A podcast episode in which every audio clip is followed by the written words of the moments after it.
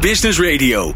Let's Talk Business. Met nu People Power met Glen van der Burg. People Power is een programma over de kracht van mensen in organisaties. Met interviews en laatste inzichten voor betere prestaties en gelukkige mensen. Deze week gaat Glen van der Burg in gesprek met... Marcia Trommel van Women Inc. en eh, Jules van der Perre van ABN AMRO zijn te gast.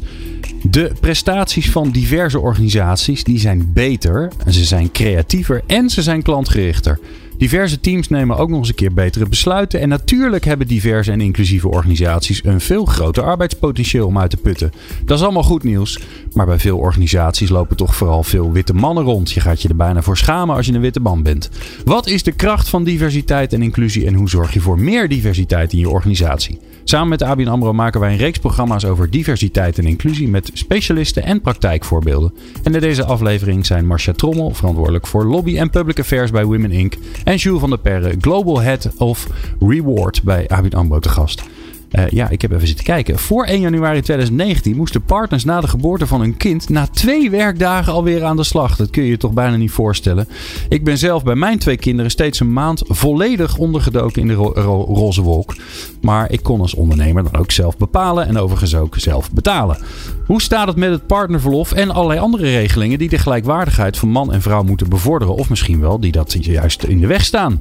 Nou, daar gaan we het vandaag over hebben in deze aflevering. Wil jij nou de nieuwste afleveringen van People Power via WhatsApp? Sla ons nummer dan op onder je contactpersonen. Vergeet dat niet te doen, want anders kunnen we je geen berichtje sturen. 0645 667548. Stuur ons een berichtje met je naam en podcast aan. En sturen we je de laatste afleveringen direct zodra ze online staan.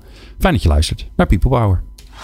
People Power met Glen van den Burg. Uh, Marcia Trommel uh, van Women Inc. en Jules van der Perre, Global Head of Reward van ABN AMRO in de studio. Ik heb even zitten kijken op jullie website, uh, Marcia. Dat is bijzonder leuk om te zien, of eigenlijk bijzonder verdrietig om te zien. Vrouwen besteden anderhalf keer zoveel tijd aan onbetaalde zorgtaken. 60% van de vaders wil eigenlijk wel meer tijd besteden aan de zorg van hun kinderen. 48% van de vrouwen is niet financieel afhankelijk, tegen zo'n beetje 75% volgens mij van de mannen. Het loonverschil tussen mannen en vrouwen is 15%. En dat is gemiddeld 300.000 euro op je werkende leven. Goedemorgen, zeg maar, een bak geld. En dan is ook nog eens het pensioen van vrouwen 40% lager. Nou, uh, werk aan de winkel, zou je zeggen. Uh, wij hebben het vandaag over de, de regels en de regelingen die ervoor zorgen dat dat soort dingen blijven bestaan. Of juist dat er wat gaat veranderen. Wat is de belangrijkste? Waar moeten we, wat moeten we gaan veranderen? Nou, je had een mooie samenvatting van de status. Het is natuurlijk inderdaad in Nederland heel bizar dat we een hoog opgeleid land zijn, westers land, waar 50% van de vrouwen niet economisch zelfstandig is. En als je dan kijkt wat daarvan de reden is, is het essentieel dat die zorgverdeling gaat veranderen. Want die zorgverdeling hangt vooral nog aan vrouwen. Dat zien we in Nederland. Ja, en ehm, volgens mij denken we dat dat al lang niet meer zo is, toch? We, hebben het gevoel dat we, heel modern zijn en dat we heel erg voorlopen. Maar uiteindelijk, als je internationaal bekijkt, lopen we erg achter. En daar moet verandering in komen. En dat zijn ook beleidslijnen die uh, belangrijk zijn. En dus een integrale visie vanuit de overheid hierop is essentieel. Maar ook binnen werkgevers. Die kunnen er ook veel aan doen. Ja. Zou je kunnen zeggen dat als je kijkt naar hoe, uh, hoe wij zeg maar, alle regels en wetten rondom werk hebben ingericht, dat het eigenlijk nog erg gericht is op er is één kostwinner. Uh, die, die haalt het geld binnen en er is één iemand thuis en die zorgt voor de kinderen. En, en, traditioneel was dat natuurlijk de man werkt en de vrouw niet. Absoluut. Dus hoe de kinderopvang geregeld is. Uh, het feit dat de vrouw daar wel de last van heeft als ze ze vijf dagen zou wegbrengen. En de man totaal niet wordt aangekeken. Voel je al dat dit schuldgevoel heel erg ontstaat bij die vrouw. Nou, dat geeft wat mij betreft echt een graadmeter aan wie wij die zorgtaak toebedelen. Um, nou, kinderopvang, maar ook equal pay heeft uiteindelijk natuurlijk heel veel impact op hoe je die zorg en werk gaat verdelen. He, dat is de gelijkheid van inkomen. Uh, nou, daarnaast is dan natuurlijk het verlof voor vaders, die er eigenlijk helemaal niet was. Dat was twee dagen ja, vorig jaar. Dat kun je je toch niet voorstellen? Nee, maar we hebben het wel met z'n allen tot nu toe geaccepteerd. Aan de slag moet. Je, ik kon er echt een maand niet nadenken. Nee. Nee, ik kon nee, maar, maar denken, het, baby. Ik vind het heel mooi dat jij zei, ik heb een maand verlof genomen. Nou kon je dat, omdat je dan een zelfstandig ondernemer was. En het financieel kon permitteren. Ook dat, Nou, maar dat heeft heel veel voor jou gedaan, neem ik aan. En ook voor jullie gezin. en hoe je het ook kan verdelen. Ja, ik vond het fantastisch. Ik had het nooit willen wissen. Nee, dus dit ging je ook elke man dit, hè? Eigenlijk. Ja, zeker. Ja, ja, ja. En iedereen, ja, het is heel saai, maar iedereen waarvan ik hoor uh, dat, ze, dat ze zwanger zijn, zeg ook tegen al die mannen: zorg ervoor dat je in ieder geval de eerste twee weken thuis bent. Want dan is, ja, dan is je kind ook nog zo mini-mini. En na twee weken is dat er ook af. Dan wordt het een dikke baby als het goed is. Ja, en dan, uh, dan is dat hele kleine kwetsbare over. En ja. daar moet je gewoon bij zijn. Tuurlijk, en dat is omdat het natuurlijk ook heel bijzonder is. En daarna ja, maar begint ook voor er je band. Ja, voor de band met het kind. De, de- tussen de vader en het kind is ook essentieel. Maar daarna komt er ook nog een fase van die zorgtaken ook leren. Weet je wel? Uiteindelijk moeten we het allemaal leren. En moeders zijn niet beter dan, in dan mannen. Ik bedoel, uiteindelijk eh, eh, leren we het omdat we het doen. En uiteindelijk moeten mannen dat ook die kans krijgen. En dat zou het mooi zijn als die mannen dat ook die kans kunnen krijgen. Als die vrouw weer aan het werk zou gaan. Dus het allerbeste zou zijn nog, en dat is echt mijn droom. Dat het partnerverlof wat we uitbreiden. Dat mannen dat kunnen opnemen na hun vrouw. Zodat die ook echt zeg maar, beter aan de slag kan. Kan reïntegreren in het werk. En uiteindelijk er ook solo care, zeg maar een autonomie op die zorg kan ontstaan. Zodat er echt een betere zorgverdeling kan komen. Ja, want dat kan ik me zo goed voorstellen. Want we hebben het vandaag over de, over de regelingen. Gaan we ook zeker doen. Maar die, die stimuleren of stimuleren natuurlijk juist niet het gedrag wat je wil hebben. En ik kan me voorstellen, dat hoor ik jou ook zeggen. Ja, eh, eh, belangrijk voor ouders is dat ze allebei leren hoe ze de zorg voor hun kind doen. Ja, En dat, en dat doe je vooral. Hè? Die, die eerste periode, ja, dan moet je voor het eerst inderdaad een luier verschonen. En eh, nou, dan krijg je altijd, hè, er komen altijd kwaaltjes en uitslag en gedoe. Ja, als je, daar, als je niet daarin komt en, die, en dat gevoel van ik, ik kan dit, als je dat niet krijgt, ja, dan heb je toch al snel zoiets van, nou, doe jij het maar. en dat is ook, ja, tuurlijk, dan ontstaat die situatie. En daar hadden we het net al eventjes over. Dan, dan blijft het toch eigenlijk een soort hooguit een PA. En zo'n rol wil je toch niet? Want die band tussen vader en kind is veel belangrijker dan dat. Heb jij je ooit een PA gevoeld? Ik niet, maar het is, het is helaas wel eens andersom bij ons thuis ook inderdaad.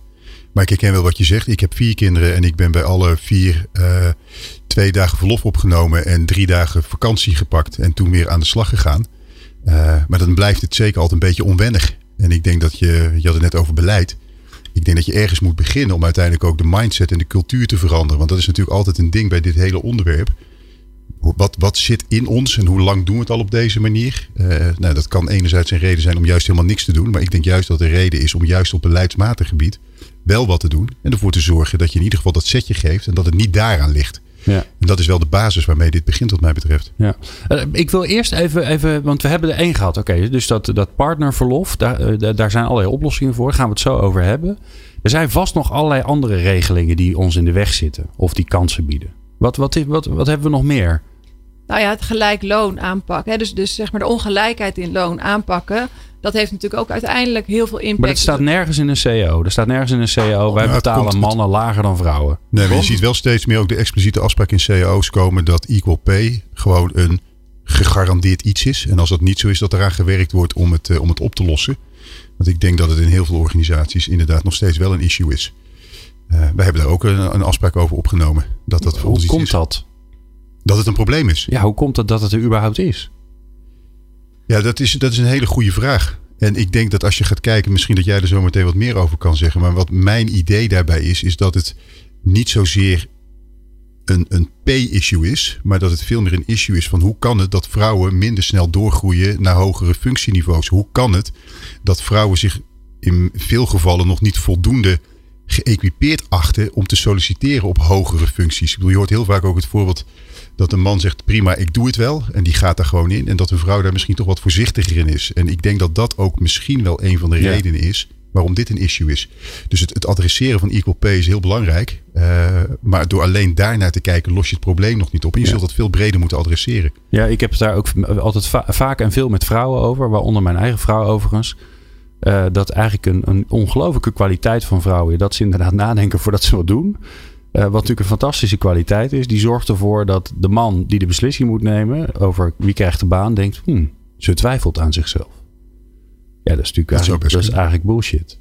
Hè? Want eigenlijk zou je moeten zeggen: waarom twijfelt die man niet aan zichzelf? Wat Ja. is dat voor, eh voor gung-ho gozer? Die gaat, die denkt gewoon dat hij het kan. Terwijl ja, hij heeft het nog nooit eerder gedaan. En zij ook niet. Nee. Nou ja, uiteindelijk is het natuurlijk belangrijk dat eh, een organisatie wel de verantwoordelijkheid om het te willen weten. Heel veel mensen, heel veel organisaties denken ook dat het er niet is. Ehm, en niemand doet het natuurlijk bewust. Of laten we daar in ieder geval van uitgaan. Maar het ontstaat inderdaad in eh, een carrièrepad van wanneer ga je ook onderhandelen. We zien dat vrouwen veel later gaan onderhandelen. Eh, dan mannen, die beginnen daar al veel eerder aan. Dus eh, wanneer die posities veranderen, ja, dat moet je eigenlijk toch even onder de loep nemen vanuit een organisatieperspectief.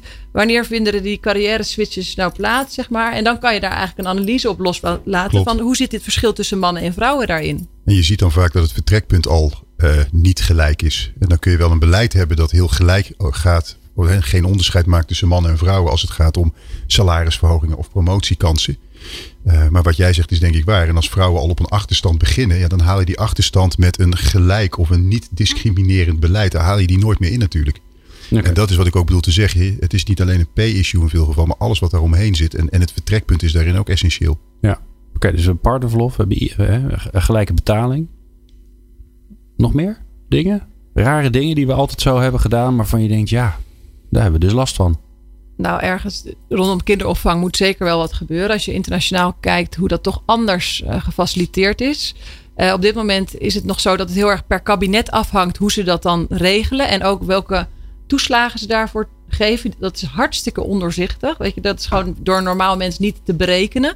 En de perceptie is dat het duur is. Uh, maar omdat je ook helemaal niet goed kan doorrekenen wat nou de effecten zijn, blijft het toch, ja, is het ook moeilijk om daarin keuze te maken. En voor heel veel mensen is dat toch wel essentieel of je daar, heel, of je daar gebruik voor gaat maken. Die financiële... Rekenen mensen dat door? Zijn ze nou zo ja, bewust? Nee, dat, dat, kunnen ze bijna niet. Dat is bijna niet te doen. Dus daar moet je echt een wiskit voor zijn. Ja, maar Wij, we hebben er wel een mooie tool voor gemaakt. Uh, dat heet de zorgwerkberekenaar. En daarin laten we stellen en, en kunnen personen gewoon zelf hun, hun financiële gegevens invullen. Zo van wat zou het nou betekenen als ik een dag minder zou gaan werken of een dag meer zou gaan werken en mijn partner een dag minder of een dag meer. En het mooie wat eruit komt is dat in dit geval, in dit kabinet, uh, het eigenlijk nog met alle toeslagen die er uh, zijn, nog interessant kan zijn om de, degene die het hoogste salaris heeft vier dagen te laten werken en degene uh, die het minst verdient ook vier dagen. Dus dan kan je dat, dat, oh ja. dat rende, ja, er zit gewoon rendement te behalen. En dat denken we niet. De perceptie is er niet. Dus hiermee laten we in ieder geval zien en maken we inzichtelijk dat het toch interessant kan zijn om allebei in dat geval vier dagen te gaan werken. Maar dat moet je dus al, daar heb je nu al een tool voor nodig om dat überhaupt inzichtelijk te maken. maar ik denk zeker dat mensen het berekenen, want dat is denk ik ook een van de redenen waarom het niet voldoende benut wordt. Omdat toch heel vaak de perceptie is, als ik minder ga werken en hè, dan verdien ik minder. En die kinderopvang is een stuk duur, dus waar doe ik het voor? Ja, ja, ja, ja, en dan vraag ik me af, wie, wie, stelt die vraag? Waar doe ik het waar voor? Waar doe ik het voor? Nou, dat is een hele goede. Werken leuk is. Dat, dat, dat is een hele goede. Dat, dat, dat, dat, dat zeggen de vrouwen. Ja, dus maar de vraag is waarom vind, ze die vraag stellen. Ja, maar waarom, is het aan de, waarom zou het naar de vrouw toegerekend klopt, moeten worden? Klopt. Terwijl het toch ook de opvang van die kinderen is van de man. Dus dit vind ik een heel ja, mooi voorbeeld van hoe wij dat dus blijkbaar zien. En die vrouwen zeggen dan, ja, ik hou niks over. Maar dan rekenen ze het naar zichzelf toe, zichzelf, de kosten. Ja. Niet naar het gezamenlijk inkomen. Nee absurd dat we dat gewoon met z'n allen doen. Ja, ik, ik wil daar niet met, naar iemand naar wijzen, maar dat doen we met z'n allen. Dat is gewoon hoe we vinden dat het aan de vrouw hangt. Ja, omdat de, de, de, de werkende vrouw is een extraatje, toch? Ja, dat zit er en, en die besteedt zeg maar, dan haar zorg onbewust. uit. Ja, dus de vrouw ja. besteedt de zorg uit en daardoor worden de kosten naar haar uh, inkomen berekend. En als daar dan inderdaad nog loonverschil in zit, ja, dan is het natuurlijk... Uh, snel bedacht van nou, dan kan, dan kan beter de man, die we toch nog ook de zorg, of nou ja, eigenlijk de verantwoordelijkheid voor inkomen toebedelen. Want dat is wel zo, hè? Inherent aan de zorg dat we die aan vrouwen toebedelen, hebben we toch nog ook het plaatje dat we de financiële verplichting aan de man toekennen. En als we, daar zielig. moeten we ook in gaan Ja, dat veranderen. vind ik ook. Ja. Ja. Bij mij is dat gelukkig al lang niet meer zo. Uh, wij praten zo verder met uh, Marcia Trommel en uh, Jules van der Per. En dan ben ik heel erg benieuwd van, nou oké, okay, als we dan kijken naar dat partnerverlof en naar Equal Pay en naar kinderopvang en al die andere dingen. Wat kunnen we daar dan in organisaties aan doen? Dat hoor je zo. People Power op Nieuw Business Radio. Mijn naam is Volof Brett. Met Lifeguard help ik teams en organisaties naar meer energie en betere prestaties. Voor nieuwe ideeën luister ik standaard naar People Power. Meepraten of meer programma's? people-power.nl Marcia Trommel van uh, Women Inc. en Jules van der Perre van ABN AMRO in de studio. We praten over regelingen uh, die bij organisaties uh, redelijk normaal zijn. Of sterker nog, wetten die, zoals we dat geregeld hebben met z'n allen rondom werk. Die er eigenlijk voor zorgen dat de gelijkwaardigheid van vrouw en man tegen wordt gehouden. Of die helpt om de gelijkwaardigheid te bevorderen. We hebben het gehad over uh, nou, wat, wat gebeurt er als je een kind krijgt. Dan heb je uh, verlof. Dat was vroeger twee dagen. Gelukkig is dat veranderd. We hebben het over Equal Pay gehad. We hebben het over de kinderopvang gehad. En dan is het nu aan, zijn we aangekomen bij... Oké, als je daar wat aan wil doen, hoe doe je dat dan? Nou, gelukkig hebben we Jules in de studio van ABN AMRO. En uh, ja, jullie doen daar dingen aan. Jules, dus... Klopt. Hoe pak je dat aan? Nou, wij maken beleid rondom dit soort afspraken. Dat doen wij onder andere in onze CAO-afspraken. En zo hebben we ook eigenlijk afgelopen CAO-ronde gesproken over geboorteverlof, partnerverlof en wat we daarvan vinden en wat we daarmee willen. wij vinden het belangrijk dat als wij veel van onze medewerkers vragen, dat we daar ook wat voor teruggeven. dat vragen we ook aan medewerkers zelf waar zij behoefte aan hebben. We kijken natuurlijk ook naar. naar hoe vragen jullie dat? Uh, op verschillende manieren. Uh, dat gaat uh, soms via WhatsApp groepen waarin wij een employee community hebben. Daar stellen we gewoon een vraag. Wat zouden jullie van dit idee vinden? Oh, dat is makkelijk. Wij doen voorafgaand aan CAO-onderhandelingen enquêtes. Van, goh, wat vinden jullie van je arbeidsvoorwaardenpakket? Wat, waar heb je meer behoefte aan en wat zou wel wat minder mogen? dus op die manier proberen we dat uit te vragen. nou, en tijd is wel een van de onderwerpen die steeds naar voren komt. Steeds vaker en meer ook naar voren komt. in ieder geval bij ons in het bedrijf. Um, ja, en dat vinden wij belangrijk om daar dan ook aandacht aan te geven. Tegelijkertijd zie je natuurlijk ook de hele discussie uh, in de politiek, waar wij het net over hebben. En uh, wij hebben dus gemeend om afgelopen ronde uh, voor te stellen om het geboorteverlof dat van zes naar zes weken gaat. Om dat eigenlijk eerder in te voeren en daar dan 100% doorbetaling van, van te maken. Waarbij ook gewoon je pensioenopbouw, et cetera, ook doorloopt alsof het 100% is. Op die manier eh, denken wij te voorzien in een behoefte. Uh, enerzijds. En anderzijds is het ook denk ik gewoon een hele goede tool om ervoor te zorgen dat je ook eens wat meer kunt gaan doen aan de gelijkheid of ongelijkheid. Uh, waar die dan ook mogen zitten. Uh, en wij denken dat als je daar met, ja, begint met beleid maken. Dat je uiteindelijk ook gaat zien dat mannen het gaan opnemen. Dat gaat hopelijk ook wel doen in de teams waar die mannen werken. Waar ook vrouwen werken. leidinggevenden spelen daar natuurlijk een belangrijke rol in. En op die manier proberen wij ervoor te zorgen dat die work-life balance goed is, beter is. Dat we wat tegemoet komen aan wat medewerkers willen. Ja, maar dat is natuurlijk de andere kant van de medaille. Hè? Het is mooi dat er een regeling is. Uh, zes weken uh, betaald uh, verlof. Ja. Prachtig. Um, ik kan me ook voorstellen dat je aan de andere kant, aan de, aan de cultuurkant in de organisatie ook ervoor moet zorgen. Dat als iemand inderdaad weet dat hij een kind gaat krijgen, dat er dan gezegd wordt van joh, zorg er wel voor dat je daar gebruik van maakt. Want dat vinden we belangrijk. In plaats van ja. Hè, dat er een soort ongeschreven regel is van ja, het is niet cool als je dat doet. Dan, uh, hè, dan kun je die volgende promotie wel vergeten. Nee, dat is natuurlijk niet wat we beogen. Dus wij zijn ook druk bezig met uh, de voorbereiding op 1 januari eigenlijk. Als we dadelijk dat, uh, definitief dat CAO-akkoord hebben, gaan we ook kijken hoe we dat gaan invoeren en hoe we dat ook communicatief gewoon goed voor het voetlicht kunnen brengen. Enerzijds door het gewoon de organisatie in te brengen via de gebruikelijke communicatiekanalen. Maar wij proberen ook altijd, wanneer het leidinggevende betreft, en wij vinden of denken dat zij ook iets meer moeten weten van de context, om die nog op een aparte manier daarvoor te benaderen. Dus we willen dat zij zich als een ambassadeur gedragen erin, maar ook dat ze zelf het goede voorbeeld gaan geven. Uh, ook is het zo dat omdat het een CAO-afspraak is, hebben wij natuurlijk ook gewoon in ons reguliere overleg met vakbonden over allerlei CAO-onderwerpen. Dus als wij zelf niet dit in de gaten zouden willen hebben, dan vragen zij wel aan ons van goh, we hebben dat met elkaar afgesproken. Daar waren we toen heel blij mee. Hoe gaat dat eigenlijk? Hoeveel wordt er gebruik van Hoeveel gemaakt? wordt er gebruik van gemaakt? Nou, wij draaien regelmatig ook gewoon rapportages. Uh, dus dat zullen we gaan zien dat dat uh, wel gaat lopen. Een andere is dat onze populatie medewerkers over het algemeen wel heel mondig is. Dus wij horen nu al best vaak van mensen van goh, fijn dat het eraan komt. Uh, als het zover is, dan ga ik het doen. Afgelopen tijd hebben we ook al wat meer gedaan dan die twee dagen. Nou, dat zie je dat er ook gewoon gebruik van gemaakt wordt. En we krijgen nu al best wel veel medewerkers die zeggen leuk 1 januari, maar mijn vrouw bevalt volgende week. Kan het nu al niet. En daar zou ik eigenlijk het liefst ja op zeggen. Uh, Maar dat gaat niet, omdat je gewoon wel een CAO-afspraak hebt die op een bepaald moment ingaat. Dus dat, nou ja, daar moet je toch ergens een lijn trekken. Maar het feit dat er om gevraagd wordt, dat het leeft, nou, dat ik hier nu sta, dat geeft wel aan dat we er serieus mee bezig zijn. Uh, dus ik verwacht van medewerkers en leidinggevenden dat dat ook uh, serieus wordt opgepakt. En we zullen dat gewoon goed in de gaten houden. Marcia, is dit, uh, is dit bijzonder dat dit nu afgesproken is bij ABN AMRO? Of, uh, of zie je dit heel vaak? Wat betreft partnerverlof zien we eigenlijk... Ja, we komen natuurlijk van een tijdperk dat het twee dagen was. En dat er een aantal organisaties dat um, ja, uit hadden gebreid. Laat ik het zo. Vorig jaar hadden we daar een aantal organisaties van. Die hebben heel duidelijk gezien dat die organisaties die dat doorvoeren, en dat valt wat mij betreft onder een beetje family-friendly policy, dat die er ook winst mee te behalen hebben. En zo zijn wij wel een programma gestart om ook andere organisaties eigenlijk te stimuleren en te laten zien dat het echt winst oplevert op het moment dat je het op een goede manier implementeert. En hoe doe je dat op de goede manier? Want dat is blijkbaar ook een verkeerde manier. Nou ja, het is natuurlijk wel essentieel dat je het eigenlijk ook 100% betaalt. Hè? Dus het partnerverlof wat er nu aankomt voor volgend jaar, wordt bijvoorbeeld 70% En dat is uh, wat er zeg maar in de wet geregeld is. Dat is bij wet. Ja, dus dat wordt, wordt, ja, de wieg inderdaad. Ja, de, wieg. de, mooie naam, de wieg. Uh, die wordt volgend jaar uh, vijf weken extra voor partners. En uiteindelijk wordt die 70% door de overheid betaald. Maar het is essentieel dat dat ook voor de werkgever, door de werkgever wordt aangevuld. Want Anders kunnen ook alleen maar, kan alleen maar een select gezelschap van de werknemers dat opnemen. Hè, dat financieel permitteren. Maar dat niet alleen financieel is belangrijk, maar ook voor de cultuur. Dus precies wat je aangeeft, zolang het voor mannen nog belangrijk, of ja, eigenlijk een soort impact op hun carrière heeft. En dat ze daarmee worden bestempeld als niet ambitieus. Ja. Ja, dan zal natuurlijk niemand dat op gaan nemen. Tenminste, dan nemen een paar dat op. Maar dan is het meteen uh, bepalend voor je carrière. Dus het is ook voor de cultuur en voor het opnemen is het essentieel dat ze het ook omarmen en eigenlijk uh, daarover goed in gesprek gaan met partners. Nou, wat jij zegt, dat het 70% max dagloon, als je dat inderdaad doet, dan zul je zien dat er toch een belemmering is om het op te nemen. Vandaar dat wij hebben gezegd, als we dit graag willen met z'n allen, dan moeten we er in ieder geval voor zorgen dat er naar die hoek geen belemmeringen zijn.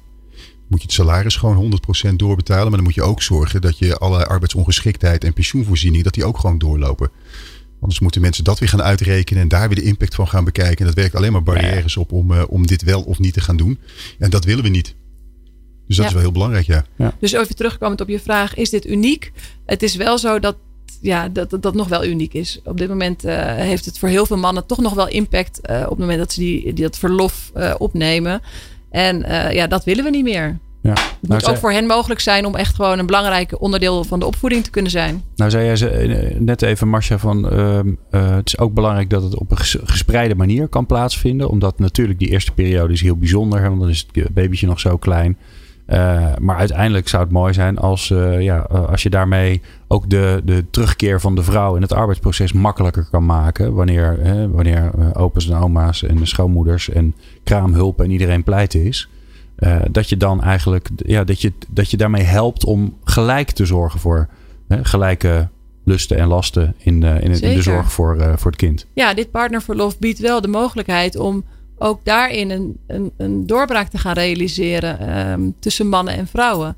En uiteindelijk zien we nu nog dat de zorg heel erg toebedeeld is aan de vrouw. En maar hoe mooi zou het zijn als dat partnerverlof eh, zo ingezet kan worden dat, dat dat eigenlijk ook veel gelijker verdeeld gaat worden. En uiteindelijk, als dat zo is, dat het dus na de vrouw wordt opgenomen. Hè, dus wat- waar we het net even Mhm. over hadden, die situatie van jij Ja. hebt het opgenomen. Als je dat na de vrouw opneemt, dan betekent ook dat zij inderdaad gewoon toch relaxter kan reïntegreren in het arbeidsproces. Ehm, maar hij ook die, die zorg, ik wou zeggen care, maar de zorg ehm, leert. En dat is gewoon, ja, dat noemen we dan solo care. Dat is wel essentieel om eigenlijk echt de doorbraak in die zorg eh, te gaan realiseren. Ja, want is- je- het, het grappig woord solo care. Ja, Ik zie dan voor me dat, eh, dat er een soort. Ik moet maar zeggen of het waar is hoor. Dat er, een- dat er een soort angst kan heersen bij, eh, bij partners. Om, eh, eh, om, om voor de eerste keer alleen voor die zorg te staan. Hè, dus zonder de moeder. dat snap ik ook. Ja, maar, nee, maar is die er? Nou ja, Nou ja, dat kunnen jullie niet het voor niks beste nog steeds over een papadag. Hè? Je hebt het, eh, ik zei het zelf ook altijd, dat je je papadag. Ja. Maar het- je hoort nooit iemand zeggen, ik heb mijn mamadag. Dus dat geeft volgens mij al aan dat er nog heel veel onwennigheid in zit. En dat het voor mannen toch nog vaak Ja. voelt als ik pas op de kinderen. Ja. Terwijl, je volgens ja, mij die zorg met Ja. z'n tweeën doet. En moet het niet uitmaken of ze een dag bij de moeder of een dag bij de vader zijn. En dit is dan al iets verder. Maar kijk, die, die beginperiode is essentieel voor de uiteindelijke verdeling. En wat jij volgens mij ook een beetje bedoelt, dat als je dan in het begin, na vier maanden, bij wijze van spreken, die, die zorg helemaal zou, op je zou nemen, een maand lang. Dan, dat bedoelde je volgens mij, hè? Meer is dit daar dan misschien. Nee, maar kijk, als er, als er een soort angst is van... eh, oké, nu sta ik er alleen voor. Als, je, als, als die er is, zeg maar, Ja. regelmatig. Ik weet niet of daar een woord voor is, maar dat, dat, dat zal ongetwijfeld bestaan. Ja, dan snap ik wel hoe belangrijk het is dat je daar samen naartoe kan groeien. Ja. Want als die angst er is, ja, hallo hé. Dan uh, Ja. het wordt alleen maar ingewikkelder. Ja, en dan denk ik zelf dat het gewoon een paar dagen doen is. En dan ben je er doorheen. En dan he- heb je een hele bijzondere tijd. Eh, maar jullie kunnen denk ik het beste beoordelen of daar ook met zo'n, ja, in die, in die eerste fase is het natuurlijk ook heel. Het is nog geen kleuter die al lekker kan spelen in de speeltuin. Het is een hele aparte fase eigenlijk, die relatief kort duurt. Maar ik kan me Mhm. voorstellen dat toch ergens zoiets. Ja, moet ik dat willen? Maar het is wel zo dat. Kijk, wij zeggen niet dat iedereen dat moet nemen natuurlijk. Maar er zijn in ieder geval diegenen die het wel willen. En dan geven heel veel jonge vaders aan dat ze meer zouden willen zorgen. En er zijn echt een aantal redenen waarom ze het niet doen. Dat zijn financiële redenen. Dat de werkgever het niet accepteert. Uh, maar ook dat ze denken dat de vrouw dus een betere zorger is. Mhm. Nou ja, op Mhm. alle drie zullen we dus wat moeten gaan bewegen. In ieder geval voor die 60% die aangeeft dat ze meer zouden willen zorgen. En dan Ja. zien we voor degene die het niet willen, is dat ook prima. Maar praten zo verder. Uh, bijzonder interessante onderwerpen met uh, Marcia Trommel van Women Inc. en uh, Jules van der Perre van ABN AMRO. We gaan zo eerst naar onze columnist, naar een collega van Jules, namelijk Sven Romkes. Die verzorgde de column vandaag. En daar zit een aanrijding in verwerkt. Nou, ik, heb, ik, ik weet niet goed wat het is, maar je gaat het zo horen. People Power. Inspirerende gesprekken over de kracht van mensen in organisaties. Met Glen van der Burg. Hij is gewoon uh, de aardigste, ja, dat mag ik toch wel officieel zeggen. De aardigste columnist die we hebben, want hij is zo ongelooflijk aardig. Sven Romkes, hij uh, is aan de andere kant van de lijn. En uh, ja, ik heb een beetje al geteased dat het een bijzondere column gaat worden. Maar ook wel weer met spanning en sensatie erin volgens mij, Sven. Ja, absoluut. ja, ik wou, ik wou het eerst hebben over dyslexie. En daar had ik ook een hele column voor voorbereid. En ik, en ik, had, ik zat nog in Den Haag. Want ik moest uh, gisteren de Maduro Dam Marathon lopen. Maak je geen zorgen. Ook die marathon zelf was op schaal. Uh, Hoeveel meter moet je dan? Uh, 1,69 kilometer. Dat, dat nou, je wel. Hallo. ja, sportief hoor. Man, boem. en ik had de auto nog, nog staan in Den Haag. En ik had hem op een plek staan waar geladen en gelost moest gaan worden. Dus daar moest hij weg. Dus ik dacht, ik parkeer hem even ergens anders. Nou, ik heb hem netjes geparkeerd. Ik kom daar bij het hotel bij de oversteekplaats. Het licht is groen. Ik zit halverwege het zebrapad. En er komt een taxi aangereden en die ziet mij niet. En die tikt mij precies aan met de auto, zou ik maar zeggen. En ik had nog het geluk dat ik een soort reflex deed waarbij ik uh, op, op zijn dwars ging, zodat hij mij echt finaal van achteraan tikte. En dat ik niet uit de rolstoel vloog, maar de rolstoel ging keihard naar voren toe en vloog achterover. Dus dat is een beetje hoe ik mijn ochtend heb doorgebracht met uh, een spierverslapper en een fysio en dat soort dingen. En toen was ik uiteindelijk weer helemaal klaar en ik kwam terug bij de auto en de auto stond er niet meer, want ik had hem daar nog fouten geparkeerd schijnbaar. Want dat bleek een ambassadeparkeerplaats te zijn zonder bordje en ook met een vervaagd kruis. Dus mijn auto was weggesleept. Dus dat is een beetje hoe ik eh, de ochtend eh, heb beleefd. jongen, jongen, jongen. Maar je bent nog wel heel. Ik ben nog wel heel. Er zit een soort van uh, spierverslapper in mijn rug. Waardoor het spasme niet kan zeggen: hé, hey, hallo, gaan we eens even lekker aanspannen met die boel. Nee, dat is. Uh, dus ik voel me op dit moment gewoon echt uh, heel chill. Je heel chill. Gewoon, ja. ja. ik ben super chill. Um, wat ja. ik nog wel even wilde zeggen was: bij die Maduro Dam Marathon hadden we allemaal mensen van Be Able en hebben we allemaal jonge kinderen met een beperking rolstoelvaardigheidstraining gegeven. En dat is echt super moeilijk. Ik weet nu pas weer hoe ongelooflijke kluns ik ben met de rolstoel. En uh, hoe belangrijk het is om gewoon lekker uh, de dingen te kunnen doen met de rolstoel die je wil doen. Dus dat was echt gigantisch goed. We waren alleen het, bijna het enige bedrijf dat bij die marathon was. Dus ik wil wel even hier van de gelegenheid gebruik maken om op te roepen. Volgend jaar is dat ding nog een keer. En alle geld wat je ermee ophaalt gaat naar de Nederlandse Stichting voor het Gehandicapte Kind. Tegenwoordig sinds één week genoemd. Het Gehandicapte Kind. De soort van artist formerly known as. Het heet voortaan Het Gehandicapte Kind. Uh, uh, zodat iedereen straks mee kan doen. Om gewoon uh, goed genoeg geld op te halen voor het goede doel. Kijk eens aan. Um, verder hadden wij vorige week de Diversity Week. En voor mij was dat, uh, was dat echt uniek. We hadden allemaal uh, workshops. We hadden allemaal collega's die kwamen kijken. En we hadden een workshop georganiseerd over dyslexie. En ik dacht, dyslexie, ja, dat, dat, dat ben bij de bank. Ach, dat, dat, daar heb je niet zo last van. Het is een bank. Als je nou dyscalculie had, dan had ik dan nog kunnen voorstellen dat je fouten maakt. Of weet ik veel wat. Of dat je er last van hebt. Maar met dyslexie niet. En ik kwam daar en in die zaal zaten 18 ervaringsdeskundigen in een workshop van 20 mensen. En het blijkt dat dyslexie heel erg veel voorkomt. En dat dyslecten niet alleen dus dat standaardbeeld hebben van letters door elkaar gehusseld, maar gewoon ook veel meer oog voor wat is het totaal ten opzichte van een stukje van de informatie. En ik heb geleerd dat je op vijf thema's veel meer in je kracht staat als dyslect dan als niet-dyslect. Dus ik ga vanaf deze uh, maand gaan we kijken of wij meer kunnen doen vanuit Be Able om ook mensen die expliciet last hebben van dyslexie uh, uh, kunnen in hun kracht kunnen zetten, zodat ze niet alleen hun handicap ondervangen, maar daar nog een keer veel beter worden dan de mensen zonder dyslexie. Eigenlijk had ik alleen autisme in beeld. Eh, als het gaat om uh, uh, hoog opgeleid met een beperking waar je in je werk last van kan hebben. Maar nu hebben we dyslexie erbij. En als je dyslexie in die kracht zet, krijg je daar heel veel voor terug. En we hebben al autisme in de kracht gezet. Want tijdens de Maduro Dam Marathon was er een kind van een van de andere lopers, was haar moeder kwijt.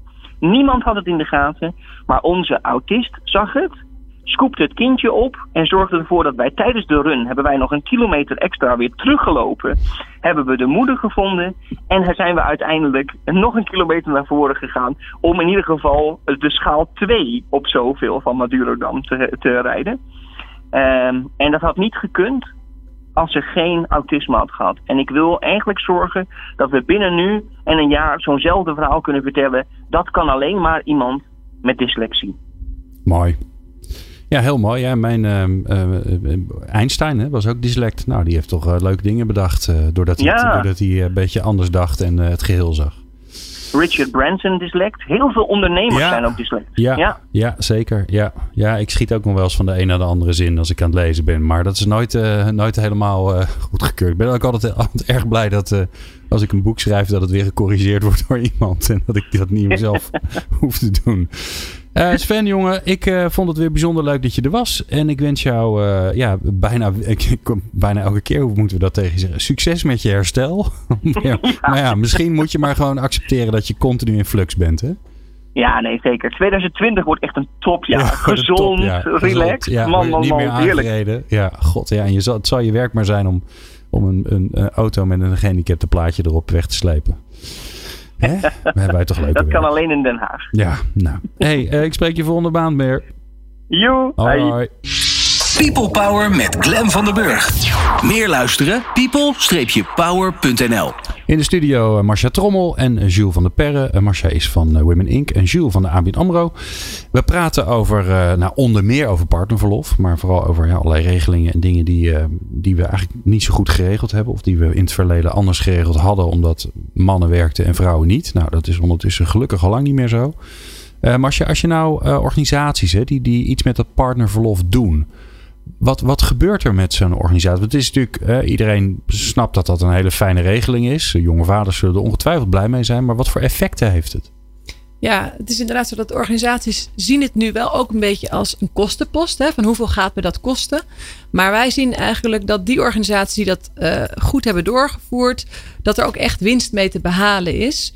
Um, en dat, dat, eh, zeg maar, die organisaties die bijvoorbeeld family friendly policy hebben, daar zien we al dat het ziekteverzuim naar beneden gaat. Nou ja, in Nederland, waar dat zeg maar boven de 3 miljard per jaar is, is er nog wel wat te bezuinigen. Dus voor organisaties ook interessant om daar naar te kijken. Uh, nou ja, je wordt natuurlijk een aantrekkelijke werkgever. Hè. Zeker in die war on talent is dat ook uh, belangrijk. Dat je bepaalde type mensen aantrekt en aan je bindt. Um, je hebt ook minder kosten in het verloop. Hè? Dus, dus mensen gaan minder snel weg. Ze blijven langer bij je. Dus je hebt een hogere engagement. Um, en we zien ook dat er een verhouding is met meer vrouwen in de top, in de doorstroom. Dus die organisaties die eigenlijk aandacht voor zorg hebben, dat dat er mag zijn, ook mantelzorg overigens hoor, maar dat er zorg mag zijn, uh, daar zie je gewoon veel diverser talent automatisch doorstromen, ook naar de top. En dat is uiteindelijk ook, dan heb je helemaal geen quote meer nodig, want we zagen daar al percentages van 19% in de top. Uh, man-vrouw diversiteit. En dan, ja, dan nog gaat veel te weinig. Nog steeds te weinig. Ja. Maar de cultuur zorgt ervoor dat, dat uh, automatisch ander talent ook door kan stromen. Ja, ja. Gaan jullie dat bijhouden, Jules? Want ik kan me voorstellen, die, die regeling die gaat in op 1, bij 1 januari mm -hmm. bij jullie. Wat, wat ga je meten? Want het is natuurlijk ook altijd een beetje de vraag, wel, wat heeft welk effect? Want jullie doen niet alleen maar het partnerverlof. Zo'n CEO nee, wij, heeft natuurlijk veel meer veel. dingen in zich. Nee, wij meten heel veel. En ik denk dat juist die integraliteit van onderwerpen ook weer interessant is om te meten. Dus we hebben ook een aantal mensen bij onze HR-afdeling werken die eigenlijk al dit soort verschillende, ik zou maar zeggen, beleidsmaatregelen, opnames van verlof gewoon eens, en alles wat daarmee samen bij elkaar op een grote hoop vegen. En gewoon eens gaan kijken, is daar effect van, van te meten. Ja, dus wij gaan dit inderdaad bijhouden. Uh, omdat het, wij er ook van overtuigd zijn dat het ons gaat helpen op een hele hoop andere vlakken. Jij, jij, jij noemde net ziekteverzuim. Ik was vanochtend bij een lezing over vrouwen in de overgang. Dat dat ook bijvoorbeeld een, een, onderwerp is waardoor er toch heel veel uitval is van vrouwen. En wat daar ook gezegd is, is dat vrouwen, wanneer ze zich, uh, over het algemeen genomen, wanneer ze zich niet goed genoeg voelen om te werken, dan melden ze zich ziek. Want dan denken ze, ik kan niet 100% 100% presteren. Terwijl mannen over het algemeen de neiging hebben om dan toch maar naar kantoor te gaan en daar een beetje af te schakelen. En dan rustig aan te doen. Maar tel maar eens inderdaad op wat dat een bedrijf of een, of een werkgevers wel niet kost. Als, als heel veel mannen, zeker ook wanneer een kind net geboren is en toch weinig slaap hebben. eh, Een aantal weken gewoon maar half op kantoor zitten en, Ja. en hopen dat het niet opvalt. Eh, Dus wij denken ook dat het ook echt, als het gaat om work-life balance, als het gaat om eh, ziekteverzuim, dat het ons ook echt wat gaat brengen. En wat we ook eerder zeiden, dat dit een soort van aanzet is om ook op een ander vlak veel meer te kunnen gaan kijken naar diversiteit. En, en als dit bijdraagt in die discussie, ja, dan gaan we daar zeker de vruchten van plukken. En tot die tijd zullen we inderdaad op alle mogelijke manieren moeten gaan volgen. Eh, hoeveel mannen nemen het op? Hoe lang nemen ze het op? Wat doet het met ze? Hè, zien we nog ergens belemmeringen of niet? En heeft het ook eventueel effect op de diversiteit die wij zien in verschillende teams? Ik bedoel, dat is ook, ook voor ons een uitdaging. Eh, het grappige is natuurlijk komt. wel hè, dat, dat ehm, ehm, een belangrijk gedeelte van het effect van partnerverlof zit bij de vrouw. Die, niet, die waarschijnlijk niet bij jullie werkt. Die zullen een paar bankstellen hebben, maar dat zullen er geen duizenden zijn. denk ik. Ja? Ja, Maar het is wel interessant natuurlijk dat, dat een belangrijk gedeelte van het effect bij, ja, bij, bij andere werkgevers ligt. Ja, maar je moet niet onderschatten dat, dat op het moment dat je het partnerverlof goed doorvoert, dat het dan ook zeg maar, op, die, op de werkvloer per direct meer gender equality creëert. Dus voor de partner natuurlijk thuis dan in dit geval ook. Maar ook op de werkvloer. Mhm. dus Vrouwen in het team, Vrouwen worden niet alleen maar Ja. meer moeder. Maar een, man wordt ook vader. Dus ehm, ja, toch nog. Hè, dat zal het ook echt bij, bij gaan dragen aan de ongelijkheid in beloning. En in die doorstroom. Want Klopt. in een team, als je moet selecteren wie gaat er carrière maken, is het ineens niet meer zo dat alleen een vrouw rond de 30 potentieel twee kinderen krijgt. Maar een man kan Ja. ook potentieel Ja. twee Ja. kinderen krijgen. Dat Ja. is heel belangrijk. Ja. Nou kan ik me voorstellen dat ehm, ehm, dit soort onderwerpen... Het is mooi dat Armin Amber ermee aan de slag is. Maar dat, dat het eigenlijk dat het juist interessant is om daar kennis over te delen. Doen jullie daar dingen in, Marcia? Ja, zeker. We hebben een heel mooi programma, de Incubators. Dat is eigenlijk een eh, versnellingsprogramma om een, op een meer inclusieve cultuur te creëren. Ehm, dus wij zijn niet voor aan de bovenkant alleen maar te gaan trekken op doelstellingen, maar ook zorgen dat de cultuur er klaar voor is. En daarin hebben we eh, nou, negen hele mooie bedrijven eh, bij elkaar gezet, die eigenlijk de ambitie hebben uitgesproken om te willen gaan versnellen op inclusieve bedrijfscultuur. Ja. En iedereen heeft een andere vorm van diversiteit. Dus de een zit op man-vrouw diversiteit, culturele diversiteit, arbeidsbeperking kan ook. Het maakt op zich niet eens uit, want de systemen erachter zijn hetzelfde. Maar doordat ze over de grenzen Oh, dat is heen van de, interessant. Het systeem daarachter is hetzelfde. nou ja, de Dat ongelijkheid, ongelijkheidssystemen, zeg maar, die zijn eigenlijk een beetje hetzelfde. Als je bijvoorbeeld bias uit processen gaat halen, Ja. dan gaat dat voor iedereen opleveren buiten nou de norm. Man, man, vrouw of, of Ja, eh, dus eh, altijd een soort- gekleurd. Er is een soort norm altijd. Hè. Kijk maar naar de top van een organisatie. Dan zie je eigenlijk wat de norm is. Die onder water geldt. En, als je, en dat betekent gewoon dat, dat mensen die daarop lijken een voorrangspositie hebben. En zolang we dat niet erkennen en ook niet bewust zijn van onze eigen bias daarin, ten aanzien van het aannemen van mensen of het promo, eh, een promotie laten maken van mensen.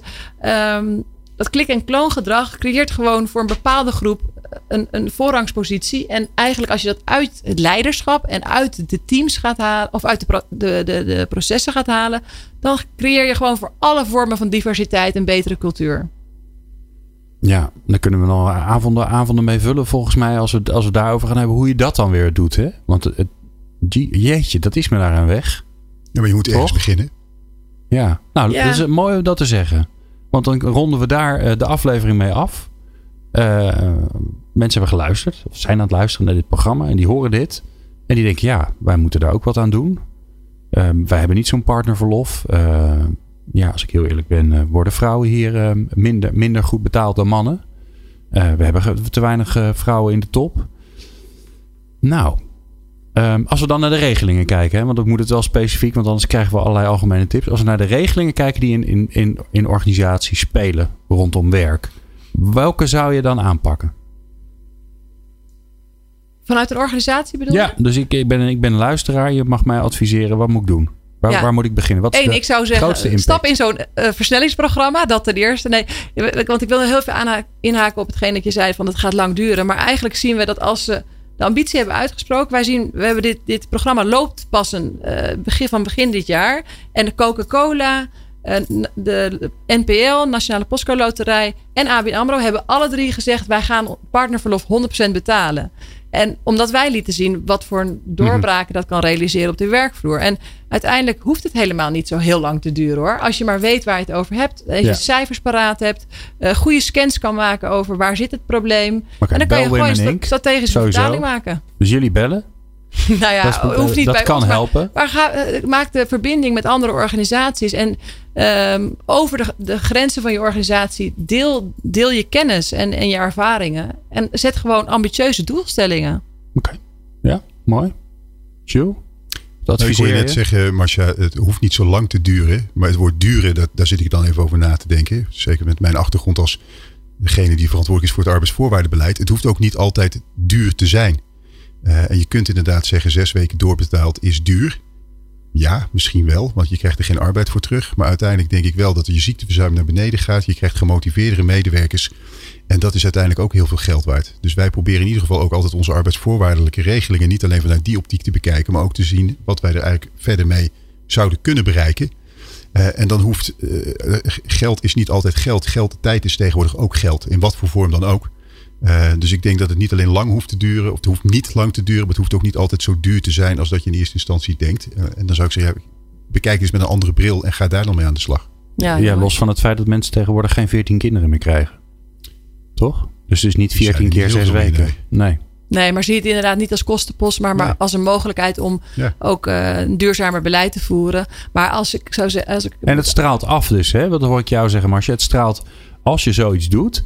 Hè? Want dan, dan, dan, het is natuurlijk eigenlijk een relatief kleine groep die er elk jaar eh, gebruik van maakt. Hè? Ten opzichte van de hele populatie. Maar het straalt zo af op de rest. Omdat je een ja, het statement heeft heel maakt. veel impact. Maar Ja. als je zegt van welke dingen moeten ze doorvoeren. Als ze ambitieus zijn wat betreft gendergelijkheid. Zou ik zeggen voer hem quotum in. Eh, dus zet die doelstellingen ook hard neer. Eh, maak het, veranker die doelstellingen ook in een beloningsproces. Dat mensen er ook op beloond worden op mensen dat ze de doelstellingen behalen. Ehm gaat ongelijk loon aanpakken. Maak daar een goede scan van. En zorg voor een inclusievere cultuur. Nou ja, en natuurlijk uiteraard eh, zeg maar betalen het 100%. Hè, het partnerverlof 100%. Dat ook. En luister natuurlijk naar al deze afleveringen van eh, People Power over die diversiteit en inclusie die wij met veel liefde samen met ABN AMRO eh, maken. Dank jullie wel. Uh, Marcia Trommel bij, van Women Inc. en Jules van der Perre van ABN AMRO. Bijzonder leuk dat jullie hier waren. Dankjewel. Graag gedaan. Um, wil je nou meer luisteren? Want uh, dit is uh, denk ik aflevering nummer 7 of 8 misschien wel al die we maken in de reeks uh, over diversity and inclusion. dat kan. De, die kan je beluisteren via onze website peoplepower.radio. En als je dan even klikt op een van de afleveringen op het linkje uh, inclusion is het volgens mij. Dan, uh, dan krijg je alle afleveringen die we gemaakt hebben in dat kader uh, bij elkaar. Dat is heel handig. Um, in de volgende aflevering van People Power is uh, Suzanne Verzijde te gast. Zij is de baas van HR Philips Benelux. En we vragen haar hoe zij bij Philips zorgt voor People Power. En dat hoor je in, het, in de volgende aflevering. Fijn dat je luisterde. People Power met Glen van der Burg. Meer luisteren? people-power.nl